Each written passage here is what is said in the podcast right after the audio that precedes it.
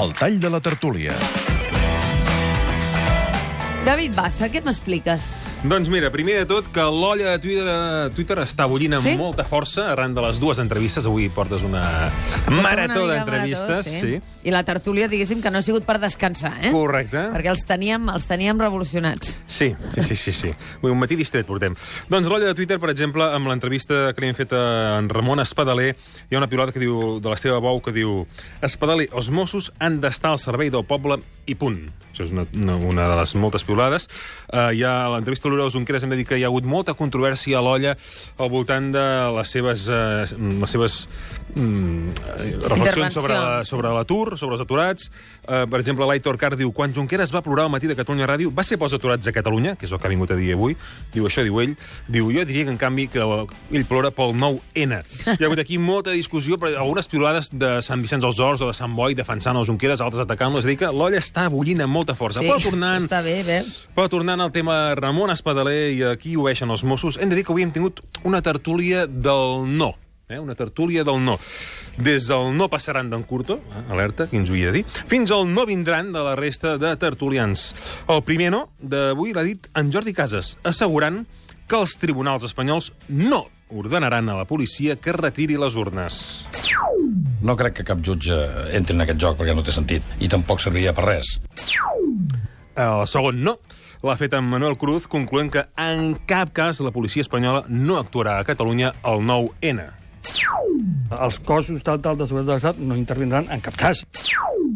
I el tercer i definitiu no ha estat el no passaran d'en Josep Curto.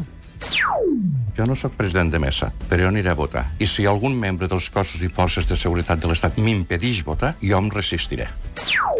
Ja en portem A veure, uns quants. si es resisteix a tot el que li intentes fer a en Josep Curto, com no s'ha de resistir Clar. que no el deixin votar? I la qüestió és d'avui és per què tants nos, no? Per què?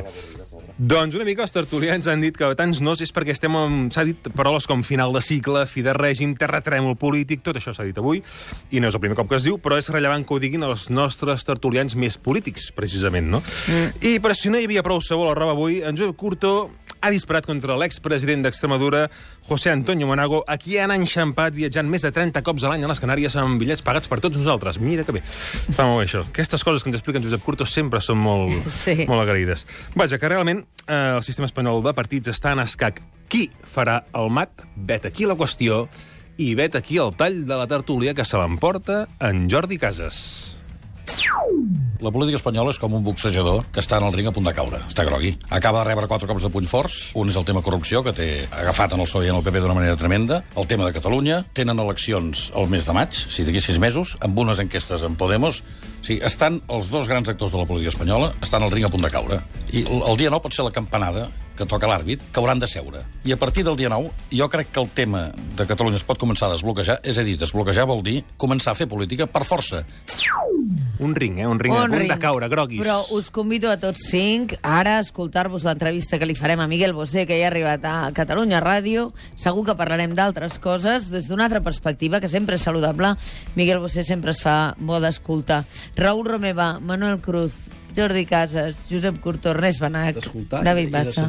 I de sentir, hi ha cançons en aquest, lli... en aquest disc que tinc a les mans, Amo, que són fantàstiques. Una de les quals és Si se puede. Veurem què és el que podem fer i el que no, que ens ho expliqui Miguel Bosé.